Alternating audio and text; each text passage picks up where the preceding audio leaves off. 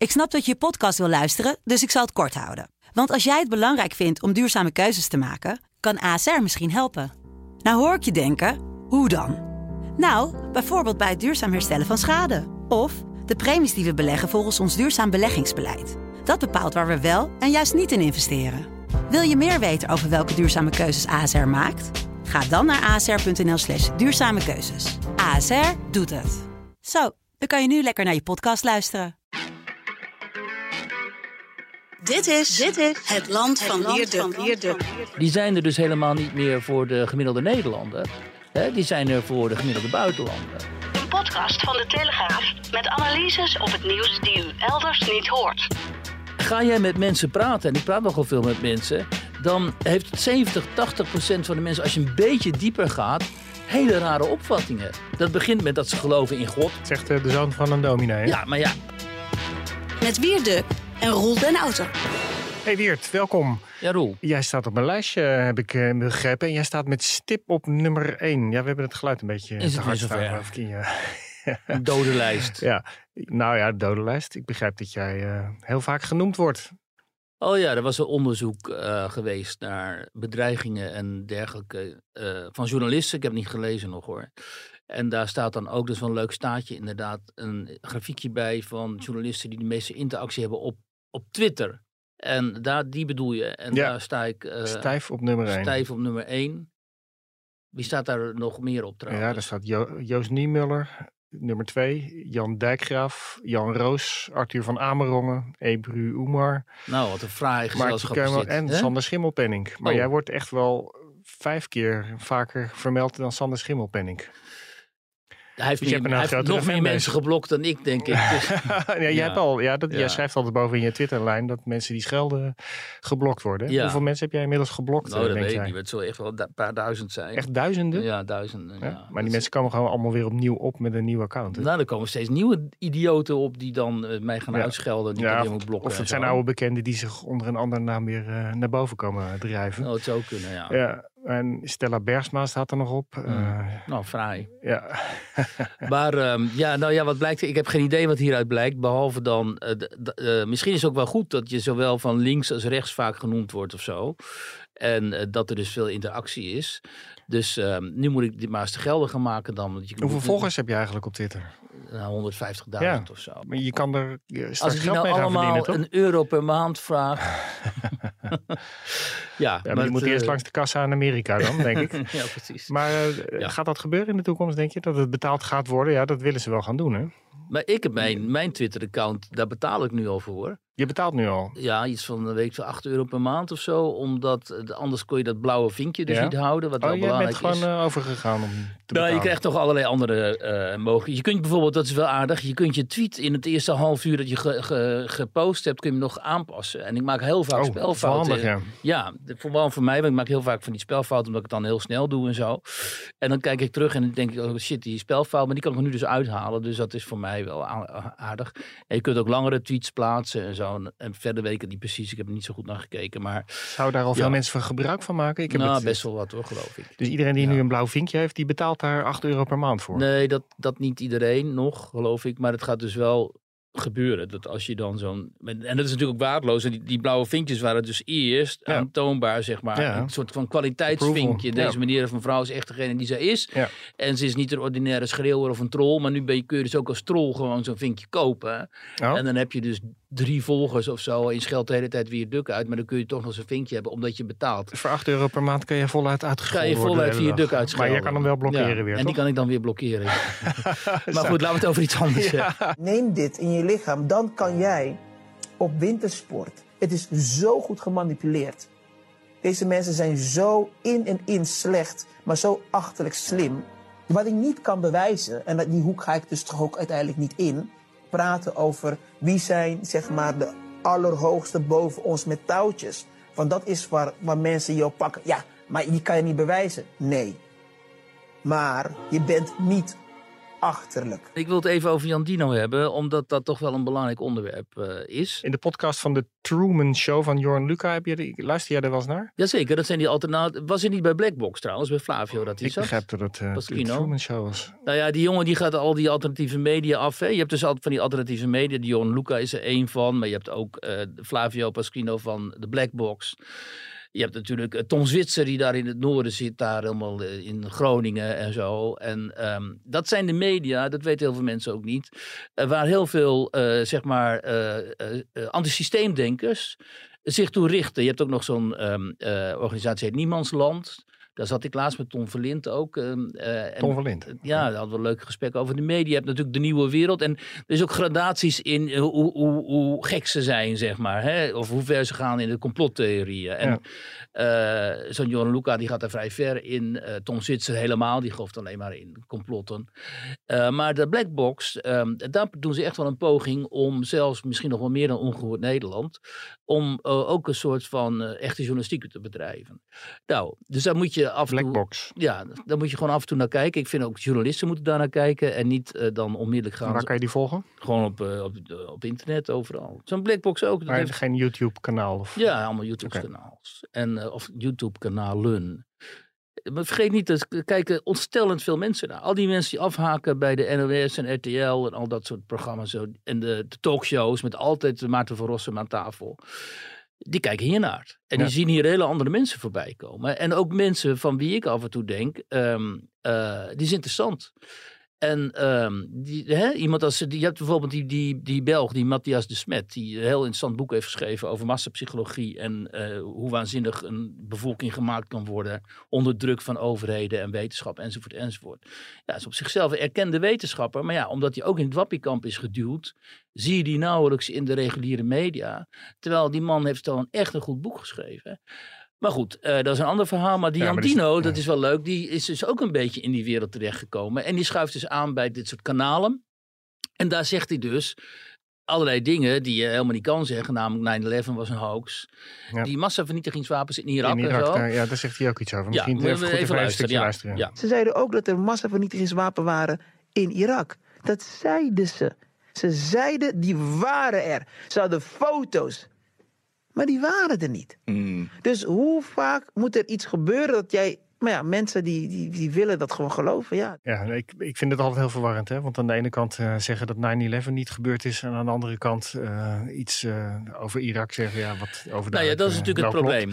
Het andere wat hij zei is trouwens dat we nog nooit op de maan zijn geweest. Dat is ook zo'n theorie Oh ja, onder hè, complotdenkers van ja. ja. die maanlandingen zijn allemaal flauwekul. Ja. Kijk maar naar die foto's, dat kan helemaal niet. die We zien geen sterren. Ja, we hebben zaterdag trouwens een leuk verhaal over in de krant. Over die eh, gemanipuleerde foto's. Want het wordt nog veel en veel erger, eh, begrijp ik. Ja, met die artificial eh, intelligence. Ja. Maar, maar goed, nu doet dus het, voor, het, het volgende zich voor. Die Jan Dino heeft dus opvattingen die, eh, die afwijken. Laten we zeggen, nou ja, gewoon niet, niet kloppen ook. Eh, nou ja, daar gaan we niet, ons niet aan wagen. Die afwijken van wat algemeen Ja. aangenomen wordt. Vooralsnog heb ik alleen gezien dat hij zegt dus van, even, nog even kijken. Hij gelooft niet in 9-11. Hij denkt dat het een hoax is. Hij gelooft niet in de maanlanding. En hij heeft gezegd, we hebben ons ook laten manipuleren toen rond Irak met die mes, eh, weapons of mass destruction. Dat laatste is natuurlijk waar. Hè? En daar ben Ja. ik destijds ook ingetuind. Ik ben oud genoeg om destijds volwassen te zijn geweest. Ik ben toen ook in, in Nou. Amerikaanse propaganda getuind. En dat heb ik mezelf ontzettend kwalijk genomen eh, daarna. Ja, dat, maar ik heb het vooral... Hetzelfde hier. Ja. Ja, en ik heb het vooral die propagandisten ontzettend kwalijk genomen. En toen ze ons nog eens een keer de oorlog in wilden eh, leiden, destijds in eh, Libië, was ik ook ontzettend onder de indruk van eh, de Duitse minister van Buitenlandse Zaken, Guido Westerwelle. Die zei, dat gaan, wij gaan niet, niet in mee. Ik was overigens destijds rond Irak ook al onder de indruk van Joschka Fischer. Die was destijds minister van Buitenlandse Zaken van ehm, eh, Duitsland. Die zei, I'm not convinced tegen Donald Rumsfeld, weet je nog. Ja. Dus die Duitsers die wilden niet meedoen. Maar goed, toen ging ik nog helemaal mee in het Amerikaanse NATO-narratief. Zo van, ja, we moeten iets met die Saddam Hussein en zo. Dus ik ben destijds gewoon als een doorsnee gemiddelde burger gemanipuleerd. Dus Jan Dino, wat Jan Dino hier zegt, daarin heeft hij gelijk. En, hij, en zijn verontwaardiging erover is ook terecht. En sindsdien, dat was best een beetje laat trouwens, want volgens mij was ik destijds al wat dertig of zo. Maar sindsdien heb ik dus, ik dus een ontzettend wantrouwen tegen eh, verhalen die overheden ons wijsmaken als zij iets willen. Hè, dat is ehm, eh, nu dus ook het geval met eh, Oekraïne en de manier waarop daarna gekeken wordt. Ehm, met COVID was het ook zo. En, bij, bij COVID ging ik overigens net als Thierry Baudet aanvankelijk mee in het verhaal moeten. Nu op slot. Anders komt het virus hier en zijn we de klos. Maar, maar daarna begon ik ook te begrijpen. Ja, wacht eens even. Hier zitten zoveel. eh, in dit hele verhaal wat ons hier verteld wordt, zitten zoveel eh, gaten. En zitten zoveel, eh, zwakke, zit zoveel zwakke argumentatie. Klopt iets niet. En uiteindelijk kwam ik tot de conclusie, ja, dat COVID is gewoon een veel minder agressief virus dan ons werd voorgesteld. Eh, we had, wat we hadden moeten doen is eh, cohorten uit de bevolking isoleren, maar, maar andere hè, jongeren gewoon hun gang moeten laten gaan. En ook over die vaccinaties zijn we natuurlijk op een veel te, posi- te positieve manier voorgegaan. Ja, maar, goed, achteraf, eh, achteraf praten is altijd makkelijk. Achteraf praten is makkelijker, vind ik ook. Dus op dat moment eh, kon je niet veel meer doen dan aannemen. In het begin maar- dachten we dat het allemaal heel erg slecht af zou gaan lopen. Ja, maar die Andino die heeft dus ook destijds geweigerd om dat, Ja. eh, dat vaccin te nemen. En waar hij hier nu aan refereert, is dat hij destijds werd buitengesloten. Hè? en ehm, ik begrijp dus eigenlijk heel goed wat hij zegt. En, maar, en nu wordt hij dus.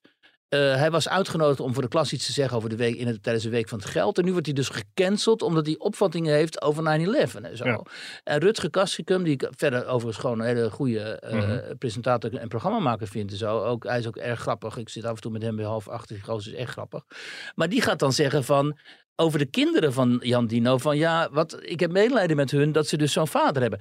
En dat vind ik dus niet oké. Want kijk, ga jij met mensen praten, en ik praat nogal veel met mensen, dan heeft 70, 80 procent van de mensen, als je een beetje dieper gaat, hele rare opvattingen. Dat begint met dat ze geloven in God, bijvoorbeeld. Hè? Ook politici. Die, Zegt eh, de zoon van een dominee. hè? ja, maar ja, ik bedoel, op zichzelf is toch uit, totaal irrationeel als je Ja. zegt ik geloof in een schepper. Mhm. Ik bedoel, An- Andries Knevel heeft er geloof ik 50 jaar over gedaan om te accepteren dat de aarde niet in zeven dagen is geschapen. Nou, dat is bizar. Of ze geloven in Allah, is net zo bizar. Hè? De profeet die vloog op een paard met een een mensenhoofd naar eh, Jeruzalem en zo. Geloven ze allemaal. En van hen zeggen we niet, nou ik heb medelijden met je kinderen. Hè? En nee, of er zijn van die enorme wetenschapsfetischisten, die heb je ook, die alleen maar geloven in wat quasi de wetenschap voor ons heeft eh, uitgevonden. Terwijl wetenschap is ook een ongoing process, weet je wel. Dus die mensen zijn net zo fetischistisch in hun opvattingen. Ehm, dus ik vind het heel raar dat nou deze man eruit wordt gepikt en eh, gecanceld moet worden. En, dat heeft, en dat, daarom wilde ik het erover hebben. Dat toont dus weer hoe enorm de druk is vanuit zeg maar, de, het gevestigde verhaal, de gevestigde orde, het gevestigde narratief op de samenleving. En als je daar niet in mee wilt gaan, dat je dan uiteindelijk gewoon het risico loopt om je baan, je inkomsten, noem maar op, alles te verliezen. Wat met heel veel wetenschappers en artsen en zo tijdens COVID eh, is gebeurd. En nu is mijn theorie dat mensen daar zo ziek van zijn en eh, daar gewoon zo eh, niet meer in mee willen gaan, dat dat ook een reden is dat zoveel mensen die helemaal niks met boeren hebben verder of met agrarische bedrijven of met het landelijke Nederland, op die, die boerenburgerbeweging hebben gestemd omdat ze denken dat eh Caroline van der Plas en haar mensen in ieder geval deze disbalans hè, gaan herstellen. Omdat Caroline van der Plas immers ook vaak wordt aangevallen, ook op haar mening. En ook van haar vaak wordt gezegd dat ze fake nieuws verspreidt en zo. Terwijl Ja. ze gewoon een ander verhaal, eh, of een andere maar dit analyse kunnen we niet van haar, eh, en dat mogen we ook niet van haar verwachten, hè, dat zij die, eh, die kloof echt gaat dichten. Nee, ze gaat die kloof niet dichten. Maar het feit dat zij nu in een machtspositie zit. en dat eh, zowel Mark Rutte als eh Wopke Hoekstra. als Frans Timmermans nu bij haar op bezoek op de koffie moeten komen. en niet andersom. dat is al een herstel van die balans. Ja. Daarmee eh, is, slaat de, de, de, de meter alweer een beetje door naar het midden. Hè, waar toch in mijn optiek, dat moet, het moet allemaal nog blijken natuurlijk. maar waar toch een groot deel van de bevolking die pleit voor gezond verstand. Hè, eh, zich eh, bevindt. En het gezonde verstand is niet ontkennen dat eh, de maanlanding heeft plaatsgevonden. Of dat eh 9-11 een hoax is. In mijn ogen is dat complotdenken en is dat niet gezond verstand. En heel veel mensen gaan hier weer enorm van balen dat ik dat zeg, maar dat vind ik. Maar het is wel gezond verstand om die minderheden die zo denken de ruimte te geven. En dat is in Nederland dus helemaal misgegaan. De, de democratie bestaat vooral uit een fatsoenlijke omgang met je minderheden. En in Nederland is democratie in handen gevallen van minderheden. Vooral de minderheid, hè, de grachtengordelminderheid rond D66. Die denkt dat zij eh, de meerderheid zijn, wat ze niet zijn, maar die denken dat zij de meerderheid zijn. En dat zij hun wil en hun eh, eh, wereldbeeld en, eh, kunnen eh, opdringen aan de rest van Ja, het land. Maar het wordt natuurlijk ook gevaarlijk als, eh, als minderheden of groeiende groepen eh, feiten niet meer voor waarheid aannemen. En eh, dat die een eigen leven gaan leiden. Ja, dan moet dus de meerderheid, hè, en dat- dan, je mag hopen dat de meerderheid een gezamenlijk eh, beeld heeft over welke normen en waarden en welke feiten wij ook, eh, zeg maar, eh, in de gemeenschap accepteren en die wij ook willen verdedigen. Hè, dat, de democratie, in ieder geval de, de wetenschappelijke feiten ook, hè, zo- zo- zolang ze gefundeerd zijn. En nou, noem, noem maar op, al die, al die verhalen die binnen een democratische rechtsstaat zouden moeten prevaleren, laat ik het zo zeggen. Als er een gemeenschap is die daarvan overtuigd is en die voldoende zelfbewustzijn heeft en die voldoende ook eh, zeg maar geworteld is in zijn eigen land, natiestaat zoals we dat noemen, dan is het geen enkel probleem om die minderheden eh, te accepteren. Dan is het ook geen enkel probleem om eh, het- zelfs om niet zelfs, maar ook orthodoxe moslims onder je, in, je, eh, in je land te hebben, of orthodoxe christenen, noem maar op. Dat kon in de Verenigde Staten ook, bijvoorbeeld, hè, die hadden ook allerlei radicale types daar rondlopen, zolang de Verenigde Staten destijds nog een gezamenlijk idee hadden van wat wij zijn, of wat, wat zij waren. Als je dat idee verliest, en je, zoals nu gebeurt, hè, ook in Nederland en in Europa. En je laat het helemaal verkruimelen en je levert dat in, zoals D66 en VVD en zo willen, GroenLinks. Je levert dat in voor een soort vaag diffuus idee over we zijn allemaal wereldburgers en we zijn misschien Europeanen met de Europese vlag en verder zijn we niks. Dan krijgen juist deze minderheden eh, de kans, omdat die wel een heel duidelijk besef he- hebben van wat ze zijn en wat ze willen. Die krijgen dan de kans om jou, zeg maar, jouw apparaat te stelen en het in te zetten voor hun eigen eh, belang. Daar gaan we het zo meteen nog over hebben als we het over transgenders gaan hebben en de rare opkomst en acceptatie ervan. Dus je moet hier tegenover al dit soort gekte, die moet je accepteren, want dat is in een democratie zo, vrijheid van meningsuiting. Je moet accepteren dat die Jan Dino die dingen denkt, maar je moet een heel duidelijk verhaal tegenover stellen. Alleen dat, dat hebben wij dus niet meer. En wat we er tegenover stellen zijn directieven. Je moet dit, je moet dat, je moet zo. En dan worden mensen gaan nog meer met de hak in het zand. Ja, maar dat kan wel leiden tot excessen. Zoals het bijvoorbeeld toen in Bodegraven, dat hele pedofiele verhaal. En eh, een gegeven moment loopt het uit de hand als die eh, feiten, of als dat soort dingen allemaal niet weersproken worden. En eh, Dat zeg ik toch. Je, Ja. moet, eh, je moet tegenover complottheorieën moet je natuurlijk ja. gewoon feiten en een gefundeerd verhaal stellen. Maar je moet niet zeggen, jij mag dit niet denken of je mag, je mag dit niet zeggen. ja, maar sommige mensen hebben feiten gewoon geen enkele invloed. Nou ja, jammer dan. Dat, Dat dat- vinden, feiten vinden ze meningen. Ja, nou ja, dat is dan toch jammer. Dan, moeten ze, dan moet je zorgen dat zij eh, binnen de grenzen van de wet opereren. En zolang ze, zo- zodra zij de wet overtreden, dan moet je ze aanpakken. Maar de vrijheid van meningsuiting is gewoon heel breed. En in mijn ogen ook vrij absoluut.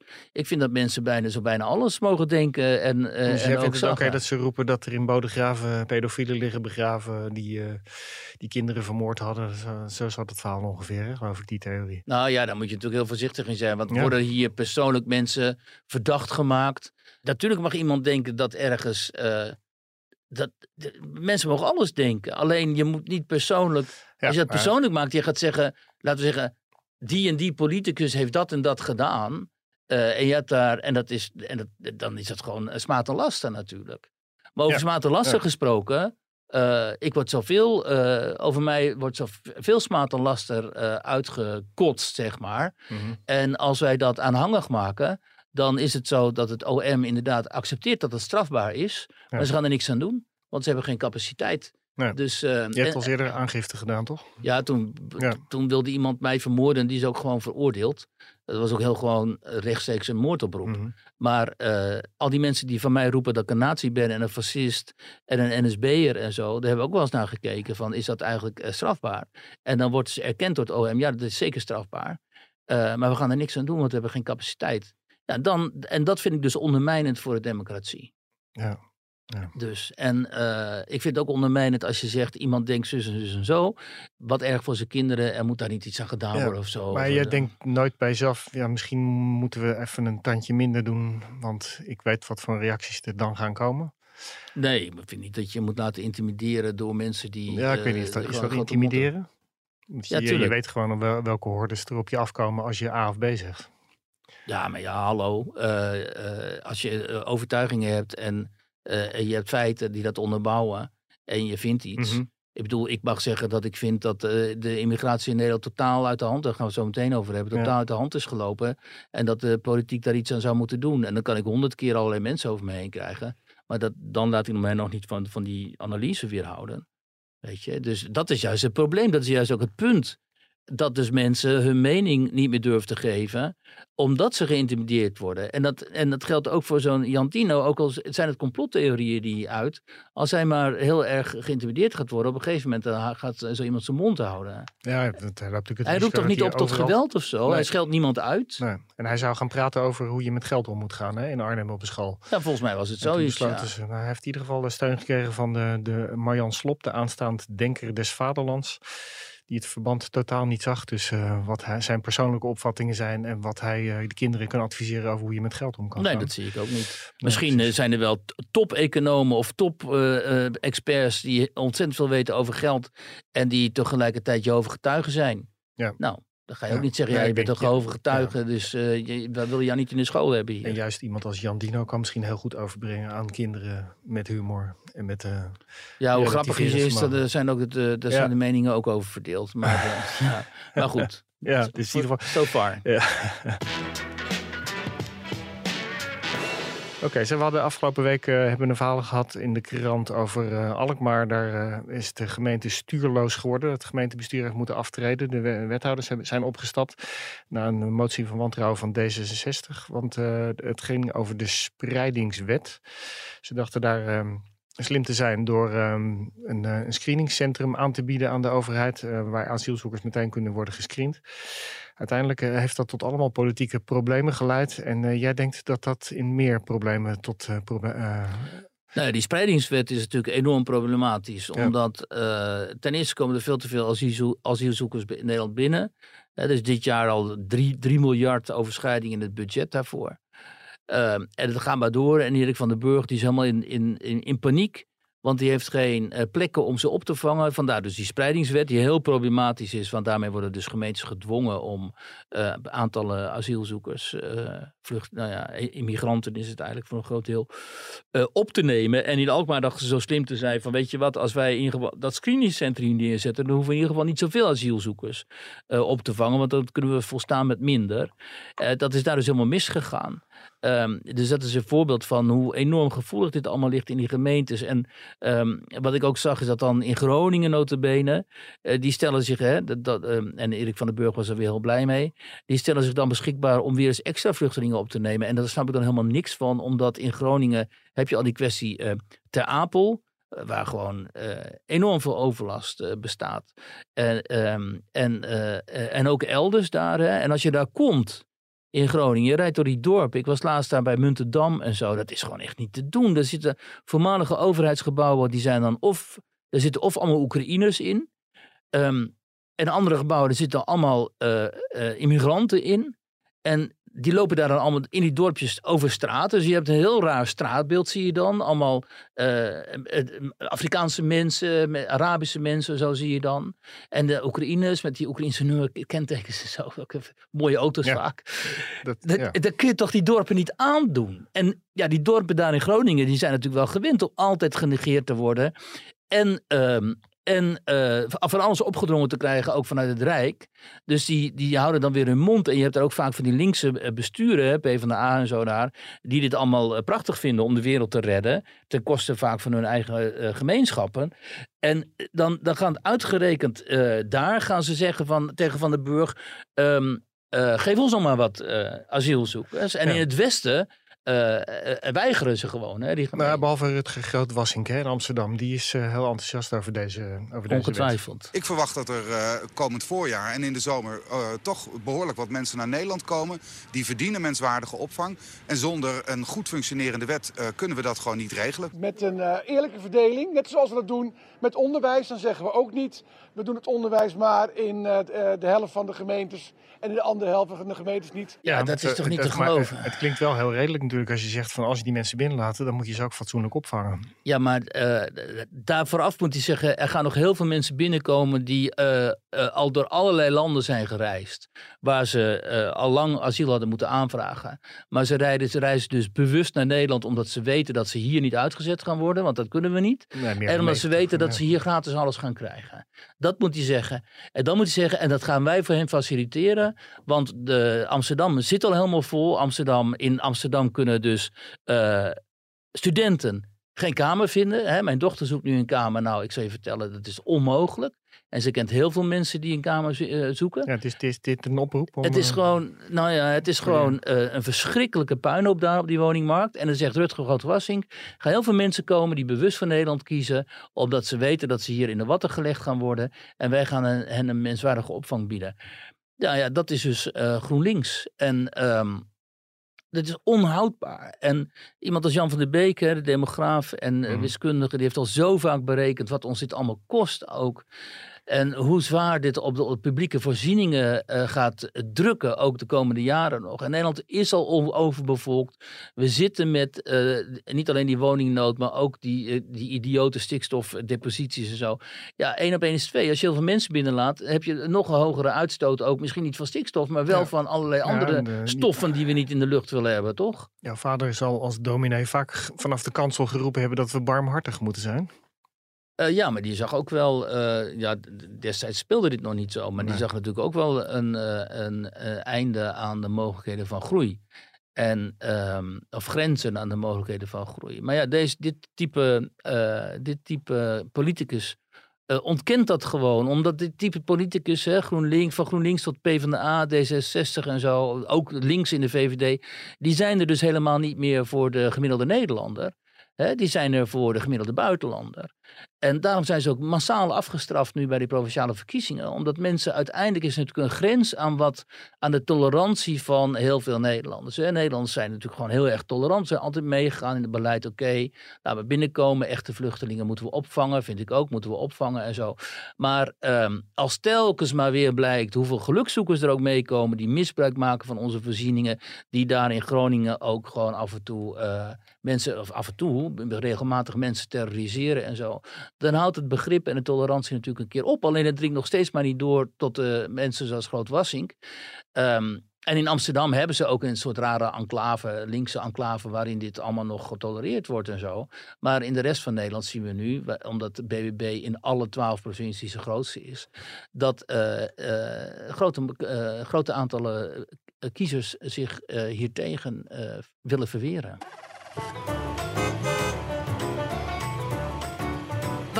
Was Wiert. Het was uh, heftig, pittig. Nu was het vooral voor de hoogte van het subsidiebedrag. Terwijl eigenlijk zou het uh, ja, eerder moeten gaan over wie is de verantwoordelijk of wat is nou de oorzaak van de schades. Ja, was voor jou een rubriek in Nederland, uh, ergens in het oosten van het land, in, Almelo, in de buurt van Almelo. Ja, in waar ook een hoop teleurgestelde burgers zijn. Daar speelt een affaire waar ik nog nooit van gehoord had. Ja, het is best wel raar dat we, dat, dat, uh, dat, dat uh, niet echt binnengedrongen is bij, um, nou ja, misschien bij ons, want bij andere media wel. Um, dat is een affaire die al jaren speelt daar. Daar is de, een kanaal. Is daar. Uh, Almelo de Haandrik. Precies, Almelo de Haandrik. Dat is daar uitgediept en verbreed. Ter wille van een zwaardere scheep, binnenscheepvaart. Um, en dat is allemaal heel erg snel gegaan en ook goedkoop, de goedkoopste opties gekozen. En terwijl dus daar gebaggerd werd en daar um, allerlei ook, zeg maar, um, uh, daar werden damwanden ingetrild, zoals het heet. Daar werden uh, soort van ankers ook onder de woningen geschoven om die, hele eh, zaak, de oevers en zo, te verstevigen. En terwijl dit gebeurde en kort daarna uh, begonnen daar allerlei huizen te verzakken. Ja. Um, en ook niet zomaar te verzakken. Ik ben daar geweest en wat je daar ziet is gewoon onvoorstelbaar. Het zijn gewoon bouwvallen nu. He, die, die vloeren lopen helemaal scheef af. Er is schimmelvorming. De plinten hangen ergens. Uh, maar is dat iets van de laatste paar jaar? Of wanneer is dat gebeurd, dat hele project? 2000? Dat is al vanaf 2011 of zo speelt okay. dat. En, uh, maar het heeft heel lang geduurd. En die, op een gegeven moment eh, zijn die bewoners natuurlijk, die hebben gezien bij elkaar van, hé, hey, wat is hier aan de hand? Want overal zitten nu scheuren in de muren en eh, gevels die eh, dreigen te, te gaan vallen en zo. Dus je moest gestut en verstevigd worden. En, en zij legden natuurlijk de oorzaken bij, bij dat, die werkzaamheden aan het kanaal. Ja. Ja. En er is ook een hoogleraar, Stefan van Baars, of een oud-hoogleraar, die zich ermee gaan bemoeien. Die zegt ook, ja, dat zijn natuurlijk de werkzaamheden in het kanaal geweest. Kan niet anders. Maar wat zegt dan de overheid op basis van uh, Deltaris-rapporten? Die zegt, ja, nee, ehm, eh, we hebben 400 schelde- eh, schademeldingen gekregen en iets van 115 of zo daarvan erkennen we als zijnde schade ontstaan door de werkzaamheden. Maar de rest, ehm, daar blijkt helemaal niet uit dat dat met die werkzaamheden te maken heeft. Dat kan, waarschijnlijk is de reden daar klimaatverandering, waardoor de veenondergrond eh, verdroogt, Nou ja. waardoor die huizen gaan verzakken. Ja, daar moet je natuurlijk bij die mensen niet mee aankomen, want die geloven daar niks van. Het zou dan om honderdduizenden huizen in Nederland gaan die Nou. op veengebied staan. En, eh, Nou, dat zou best eens kunnen, dat, dat weet ik niet. Maar in ieder geval, in dit geval, eh, heeft het bij heel veel van die mensen geleid, ertoe geleid dat hun schademelding dus eh, niet gehonoreerd werd. mhm. Maar, kun je, maar dan kan, omdat de overheid zich toch schuldig voelt kennelijk, kunnen ze wel weer in, in aanmerking komen voor subsidie. Maar ja, daarmee, dan erken je dus niet eh, de, de Nee. schuld. Ehm, en bij een groot aantal mensen, net zoals in Groningen, want het is heel erg, de overeenkomsten met de bevingsgebieden in Groningen is natuurlijk heel groot. Heeft dit tot zoveel stress en eh, spanning geleid dat ze gewoon er niks meer mee te maken willen hebben. En nu was gisteravond een bijeenkomst waar een rapport werd gepresenteerd ehm, waarin eh, werd beschreven wat hij nou allemaal precies met die bevolking heeft gedaan. Ehm, nou, dat is vreselijk schijnend, want daaruit blijkt heel veel van die mensen zijn- gaan gewoon helemaal kapot. En dat is ook logisch, want als jij daar een koophuis hebt en dat huis gaat gewoon helemaal naar de knoppen. En, eh, en voor jou is overduidelijk dat eh, op 10 meter van jouw huis ligt daar dat kanaal wat Ja. uit. Dan is het natuurlijk één op één. en die verzekering betaalt niet uit, neem ik aan. Ik neem, Ja, oh, die verzekeringen, die, dat, dat is natuurlijk ook maar de vraag wat die, wat die Ja. eh, zeggen. En als dan de overheid, waarvan jij vindt dat die duidelijk aansprakelijk is, jou geen luisterend oor biedt en ook nog eens een keer zegt, ja joh, wat dat hebben ze ook nog gezegd, heeft met verbouwingen te maken vaak. Dus de schuld ligt bij jouzelf. Ja. Dan word je natuurlijk helemaal gek. Dus het is weer zo'n voorbeeld van een, een overheid die op enorme afstand staat van eh, zijn burgers. Dat niet beseft, want de, de verantwoordelijk gedeputeerde, iemand van de ChristenUnie, die zegt de hele tijd van nee, ja, ik doe wel echt mijn best. En ja, ik kan niet om die rapporten heen. En ik had ook liever gehad dat heel duidelijk de schuld bij het kanaal lag. Maar dat is niet zo volgens de rapporten. Dus ja, wat moet ik nou?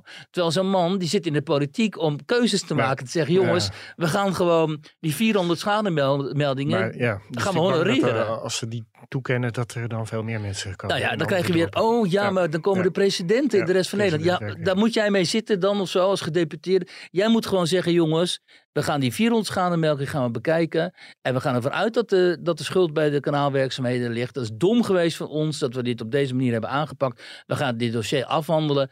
Klaar is Kees. En daarna moeten we, moet het ook stoppen. Dat zo hadden ze natuurlijk in Groningen ook moeten doen. Ja, ja, ja. Maar als je de hele tijd maar twijfelt en hè, enerzijds zo en anderzijds zo, ja, dan, dan ontstaat zoveel vaagheid. Dat is gewoon eh, weer eens een keer bestuur dat niet durft aan te pakken. Ja, die schades die waren echt wel eh, enorm. Hè? Ik- We hadden een eh, foto vanuit de lucht genomen. Dat zag er niet best uit. Ja, die het huis is gewoon een bouwval. Ja. Dus dat, dat zit Jij sprak gewoon. ook met de eigenaar hè, van dat huis. Ja, Ja. ja. En die, die zegt dan zelf de taxatie. Eén van die huizen. Ja, een van die huizen. En hij zegt dan van ja, alleen al de fundering zoiets van 110.000 of 106.000 of zo moeten kosten. En boven nog eens een keer 50. En dan kan die uitgekocht worden. Dus dat dan weer wel. Dan zegt de overheid, oké, dan kopen we jouw huis voor 2,95, kopen we het uit. Mhm. Maar ja, moet die man, hij zegt, ik woon niet mijn hele leven al. Waar Ja. moet ik dan naartoe? Want hij kijkt dan op Funda en dan ziet hij niks wat een beetje overeenkomstig is voor hetzelfde geld. En dan woont hij nog helemaal in Oost-Nederland. En dan woont hij ook nog eens helemaal in het, echt, echt best wel Want ver eh, van je- Amsterdam hoor. In de Randstad heb je helemaal niks voor 295.000 Nee, eh, euro. eh, goed, hij wil natuurlijk ook niet in de Randstad wonen. Nee, maar maar hij, hij is zo'n Twentenaar. En Ja. hij denkt ook van ja, ik ben verderop in de straat ge- geboren. Ik woon nu hier. Waar, waar moet ik naartoe zo meteen? En nou ja, dat is weer net zoals met de vissers en de boeren. Hè? De- precies zo. Hè? De, de overheid wil die ook uitkopen. En dan zeggen die boeren, je kunt miljonair worden. Die visserskotters nu. Hè? Die allemaal in kampen worden gesloopt. Echt allemaal stuk na stuk worden ze in kampen gesloopt. Elke keer zie ik een filmpje en foto's van weer zo'n kotter die naar kampen vaart. Mhm. En huilende, en huilende gezinnen die hun kotten moeten verkopen. En dan, dan komen er altijd van die reacties, ja, maar ze worden miljonair. Hè, want ze krijgen een miljoen ervoor of Nou, zo. dat valt zwaar tegen. Nou, ten eerste ja, valt het zwaar tegen, zitten leningen ja, op. En, ja. en wat dan nog? Weet je, als, ehm, de, dus om, je moet net als de boeren, omdat je hen geld geeft, moeten zij eh, daarmee eens zijn. En moeten zij hun existentie verliezen. En d- gewoon, wat zijn dynastie, generaties vaak, dynastieën die dan op zo'n land hebben gewoond of eh, eh, in de visserij actief zijn geweest. En die moeten dat dan maar accepteren omdat de overheid hen een zak met geld geeft. Net zoals hier in, eh, aan dat kanaal. Ja, dat maakt je natuurlijk heel erg machteloos als, eh, als inwoner. Nou, dit soort technocratisch, Ja. eh, theoretisch denken van eh, dat maakt de inwoners natuurlijk furieus. Gewoon Ja. echt furieus. En eh, ja, dat kan me afha- ik kan me voorstellen dat je dan afhaakt. ja, die mensen haken allemaal af en die hebben allemaal Caroline gestemd. En wat gebeurde er ook vorige week nadat Caroline van der Plas dus die verkiezingswinst had geboekt? Eh, heel kort daarna stond ze daar dus ook al in Dalerveen. En eh, zei ze tegen die mensen, luister eens, eh, wij gaan coalitiebesprekingen voeren en wij zijn de grootste partij, dus wij komen in die coalitie en dit wordt de topprioriteit van ons. Het was Ja. wel mooi dat ze dat nog eventjes deed. Hè? Tussen alle besprekingen door met de politici die er op de koffie Ja. hadden uitgenodigd. Ja, en dan zeggen die mensen daar, van dat, dat had ik helemaal niet verwacht. Maar die zeggen, het sloeg in als een bom, het bezoek van Caroline. Terwijl ze woont verderop in Deventer, zo ver is het nou ook weer niet. Nee. Maar het sloeg dus voor hen in als een bom, omdat ze hier een politicus zagen die zei van, we gaan dit oplossen. In plaats van te zeggen, het is je eigen schuld, of weet je wat, hier heb je een zak met geld en, en, en zoek het verder maar uit. Zij gaat En- uitgroeien tot de, de koningin van het platteland, hè? Als ik Daar, zo, dat is zij al natuurlijk. ja. Dat is zij al lang. En ze gaat zo meteen. eh, de, vraag, de vraag die voor ligt nu is alleen maar: wordt zij de eerste vrouwelijke premier van Nederland of niet? En eh, dus als koningin van het platteland wordt ze uiteindelijk ook gewoon premier van Nederland. En eh, ja, dat zou wel hilarisch zijn natuurlijk, omdat eh, die rol was, eh, of die functie was voorbehouden aan Sigrid Kaag. En misschien gaat Caroline van der Plassen wel mee vandoor. Ja, dit zal Sigrid Kaag en D66 een paar jaar geleden niet bedacht hebben. Nee. Nee, maar als je dit ook zegt, hè, van, dan in, in kringen van parlementaire pers en zo, dan, dan, dan klinkt er ook ges- ges- geschaterlach. Ongemak. nou, schaterlachen zo van totale onzin en zo. Natuurlijk wordt zij geen premier, maar mark my words. Dat, Wat is eh, die vrouw enorm gegroeid hè, in die eh, korte tijd dat ze in het parlement zit.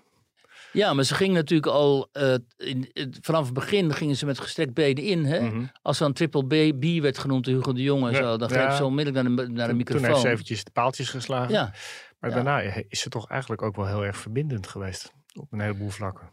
Ja, nou ja, dat bleek dus uit dat stuk wat ik afgelopen zaterdag in de krant had. Hè, met de, eh, waar die linkse kritiek op BBB dan vandaan komt. Maar daar zit eh, iemand als Kees van der Staaij zei daarin van ja, eh, anders dan eh Forum voor Democratie en ook PVV. eh, nou, PVV noemde hij niet, maar anders dan Forum voor Democratie. eh, doet zij gewoon aan heel veel debatten mee en is daar ook in constructief. En zij wekt de indruk eh, dat er met haar zaken kunnen worden gedaan. Mhm. Ehm, en hij prees haar werklust inderdaad. En zei van ja, als je bij zoveel debatten aanwezig bent en je probeert ook een constructieve rol te spelen, ja, dan ben je gewoon eh, iemand die een bijdrage levert aan de democra- democratie. Ja, het zijn spannende weken. Want eh, wie weet wat er met het kabinet gaat gebeuren. Waar het eh, overigens Ja. ook spannend is, slecht bruggetje, is Amerika. Waar we eh, aan de lopende band schietpartijen horen langskomen. Waar eh, de, de ene na de andere doden valt. Maar deze keer hadden we een hele bijzondere schietpartij. Want de dader was een transgender. Ja, Ja, en dat heeft toch heel wat, voor heel wat eh, verbazing eh, gewekt. Maar jij was er niet eens zo verbaasd over. Eh, nee, dat, het, ik, ik eh, ben er was niet verbaasd over, maar ik eh, vind wel een fascinerend fenomeen wat wij nu gezien gebeuren in de Verenigde Staten. Dat is eerst dus de, de opkomst van het hele radicale transgenderisme, hè? Wat natuurlijk op zichzelf heel vreemd is, omdat ja, hoeveel mensen zijn nou transgender? Hè, vroeger was het een handjevol mensen die zich ongelukkig voelden in hun lichaam. Ja. En dan vaak na, op een jaar, als ze een jaar of veertig waren of zo, dan lieten ze zich opereren en dan, dan voelden ze zich wel eh, zichzelf. Mhm. Maar tegenwoordig is dat dus een, eh, zijn het dus de stoottroepen. Het transgenderisme is een soort, zijn de stoottroepen van een, van de woke beweging geworden. Steeds meer mensen die eh, ge- genderdiffuus zijn, dus die niet precies weten, voelt me nou man of vrouw en zo, die bekeren zich daartoe en die laten zich dan eh, al dan niet opereren. Of ze zeggen, ja, ik voel mij, ik, ben ik, hè, ik werd geboren als vrouw, maar ik voel mij nu man, dus ik ben nu een man. Of vaker omgekeerd, hè. Ik werd geboren als man en ik voel me nu vrouw, dus ik ben nu een vrouw. En ik heb recht op eh, toegang tot alle vrouwelijke domeinen. Dus eh Is dat vaker kleedkamers. andersom? Ja? Nou ja, er is dus theorie, want ik, ik heb de afgelopen dagen wel veel met mensen hierover gesproken die hier Mhm. verstand van hebben en die zich hier al een tijd mee bezighouden. Dus er is zo'n theorie dat vooral ook veel van die, van die incel-jongens, hè, dat zijn dan van die jongens die, eh, ja, die niet goed kunnen meekomen, een beetje losers zijn op school, die nooit een vriendinnetje hebben en zo en ook geen seks, maar die dus wel seks willen. eh, maar dat niet kunnen krijgen op de vrije markt van de relaties, zeg maar. Dat steeds meer van dat soort types zich laten eh, omvormen tot, tot vrouw omdat ze dan, eh, en dat ze dan eh, eh, seks gaan eisen van lesbische vrouwen. Maar dat En dan de- een theorie van de koude grond. Nee, Of- dat is geen theorie van de koude grond, want dat is dus, dat is dus bestaand. Dat is onderdeel zeg maar, van die hele agressieve ideologie. Waarin inderdaad die, dit soort radicale transgenders. We hebben het dus niet over de, waar ik het eerst over had. Hè, de gewoon normale transgenders die normaal leven leiden en zo. En iemand als Maxime Februari is bijvoorbeeld de columnist, schrijfster, is daar een heel, heel eh, goed voorbeeld van. Maar dit soort hele radicale types. Die denken dan, omdat ze dan dus ehm, vrouw zijn, dat ze eh, allerlei eh, rechten mogen eisen van vrouwen. En omdat het, omdat het dus specifiek gaat over vrouwen, hè, die niet zo weerbaar zijn vaak als mannen, en die zich eh, slechter kunnen verdedigen als mannen, winnen zij dat ook dat terrein. Dat zie je dus hè, tot nog toe in de sport. Nu komt Ja, er verzet vanuit de sport. Hè, maar, en, en, en, eh, ook omdat ze zich voordoen als eh, een minderheid die slachtoffer is. Hè, die slachtoffer is van seksisme in de samenleving, van eh, white supremacy, van vooral mannelijk white supremacy en zo. En kijk, wij zijn de, de ultieme slachtoffers en wij claimen nu onze rechten en wij hebben ook recht op, op eh, seks. En nu is het, eh, doet het eh, vreemde, of het eh, nou ja, ook wel opmerkelijk geval zich voor dat eh, aantal bij die, van die mass-shootings, dat daar ook, dat die werden uitgevoerd door ook, zeg maar, ehm, daders met een diffuus beeld over wie zij nu zijn. Zoals die laatste dan, hè, daar in Nashville was dat, hè? Mhm. die zich kennelijk ook keerde tegen de aanname dat de, witte christenen, blanke christenen, transgenders niet accepteren. En wat je zag is ook in de mediaverslaggeving, wat echt heel ernstig was dat, werd onmiddellijk excuus gevraagd voor het feit dat zij of hij, eh, ik weet het niet, gemisgenderd was. Dus aanvankelijk werd er dus gesproken over een hij, maar het moest Mhm. Ja, een oh ja, dat zij ook op, ja. zijn. En dan ging de. New York Times en andere media gingen ze, oh, oh, oh, heel erg. We hebben en dan gaan ze dus, en daarin zie je dus dat de dader, dus iemand die gewoon kinderen doodschiet. En, hè, die, en op een hele dappere manier door die politieagenten daar, waarvan we de. Is uitgeschakeld, eh, ja. is uitgeschakeld. Dat over het misgenderen van deze moordenaar nog excuses worden aangeboden. Dat tekent dus hoe totaal verziekt dat voor- dit debat in Ja, de Verenigde Staten. iedereen. Ja, maar niet Yes. alleen in de Verenigde Staten, denk ik. Maar ik, had Nee, je zag het dus ook ja. bijvoorbeeld in Nieuw-Zeeland. Er was zo'n eh, iemand, hè, die, ehm, eh, zo'n an- an- iemand die zich verzet tegen deze ontwikkeling. Die was daar. En die werd er zo ernstig aangevallen door dit soort radicalen. En zozeer bedreigd dat ze Nieuw-Zeeland heeft moeten verlaten. En eh, dit is dus een enorm zorgelijke ontwikkeling. Omdat wat je ook ziet, wat ik nog wilde zeggen, is dat in reactie op die schoolshooting. zie je dus eh, van die radicale transactivisten zich bewapenen en op internet eh, posten Ja, dat er een wel. genocide plaatsvindt. Ja, zie je Ja, wel. zie je wel. Dat- er dat vindt een ook, genocide plaats tegen ons, tegen ons Ja, transgenders. En daarom slaan we terug. En we slaan nu terug. En dan zie je dus van die man, echt heel vreemd, van die overduidelijk mannen die zich uitdossen als vrouw met de transgendervlag en met pruiken op en zogenaamd eh, borsten en zo. Met enorm automatisch wapen. En dat vind ik dan zo Amerikaans. Dan zie je dus, dan zie, dat, dat, ik bedoel, dat is gewoon echt, dat zie je gewoon alleen maar in, in, in science fiction films. Hè? Er staat er zo'n totaal merkwaardig type met een zwaar, half kanon zo ongeveer, te waarschuwen van, kom niet eh, aan Don't transgenders, fuck want dan fuck with us, we schieten je dood. Hè? En dan keren ze zich tegen de turfs, en dat zijn dus gewone vrouwen, die heb je in Nederland ook.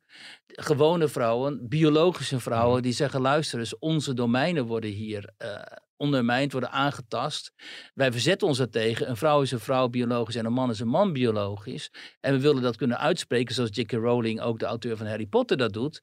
En die worden dan letterlijk met de dood eh, bedreigd. Hè? Ja, het is, nou, het is maar. eh, misschien is het goed om een keer eens een keer in, met een, in Nederland in de rubriek weer met gematigde transgenders te spreken. Nou, dat heb ik al een paar keer gedaan. Maar een paar keer gedaan, ja. ik denk, dit fenomeen moeten we een keer gaan beschrijven. Omdat het Ja. fascinerend is. En omdat het uiteindelijk natuurlijk ook tot Nederland gaat eh, doordringen. Waarschijnlijk niet, eh, hopelijk niet met de schoolshootings. Maar wel het radicale en het agressieve. Je ziet het al met de transgenderwet eigenlijk. Die wordt aangenomen. Dat is al, maar goed, daar heeft het al een paar keer over gehad. Maar het idee dat je dus eh, op basis van een gevoel kunt zeggen of jij man of vrouw bent. En dat ik als man kan zeggen, ja, ik voel mij nu vrouw. Ja, dat was vroeger natuurlijk. Hè, die, die vent van Credit Suisse, meen ik dat. Hè? Die, die, die, die, een van die belangrijkste eh, eh, bestuurders van die bank. Die besloot ook dagelijks, ochtends, of hij een man of een vrouw was. Oh ja? En dan ging hij dus ofwel als man naar zijn werk of als vrouw. En dan zit je daar van een, bij zo'n enorme bank. Hè? En dan, jouw personeel die denkt dan, oh, vandaag is hij eh, Christa. En morgen is hij Christus, bij wijze van spreken. En die heeft nog een baan nu ze door UBS zijn Nou, eh, het, eh, volgens mij moest hij weg. Maar, nou, dat weet ik trouwens niet. Maar dan denk je toch, hoe zijn we hier in godsnaam Ja. Ja, ja. Omdat het ook zo narcistisch is. Zo'n vent die dan denkt van, ik kan zelf... Stel dat jij me morgen als... al- Het is gewoon travestie, is het. Dat kun je het weekend doen, Ja. maar niet op je werk volgens mij. Precies. Mijn vader is geboren Rotterdammert. En Nou. eh, die zei altijd, eh, die mensen hebben gewoon te weinig te doen. Je moet er gewoon even lekker aan het werk gaan. Nou, je zou denken dat je bij zo'n bank heel druk hebt. Maar ja, die bank is niet voor niks onderuit gegaan natuurlijk. Ja. Dus, hè? Oké, dankjewel. Volgende week dan ben ik er niet. Nee, en dan hebben we even een speciale podcast. Dus dan ben ik even, zit ik even in jouw rol. Dus ehm, niet getreurd, Ga je mensen. komt welke eh, gast daar komt? Of eh, moeten mensen We gaan het hebben over racisme, v- vermeend racisme in Nederland. En hoe we daar niet mee om moeten gaan. Oké, luisteren dus. Mhm.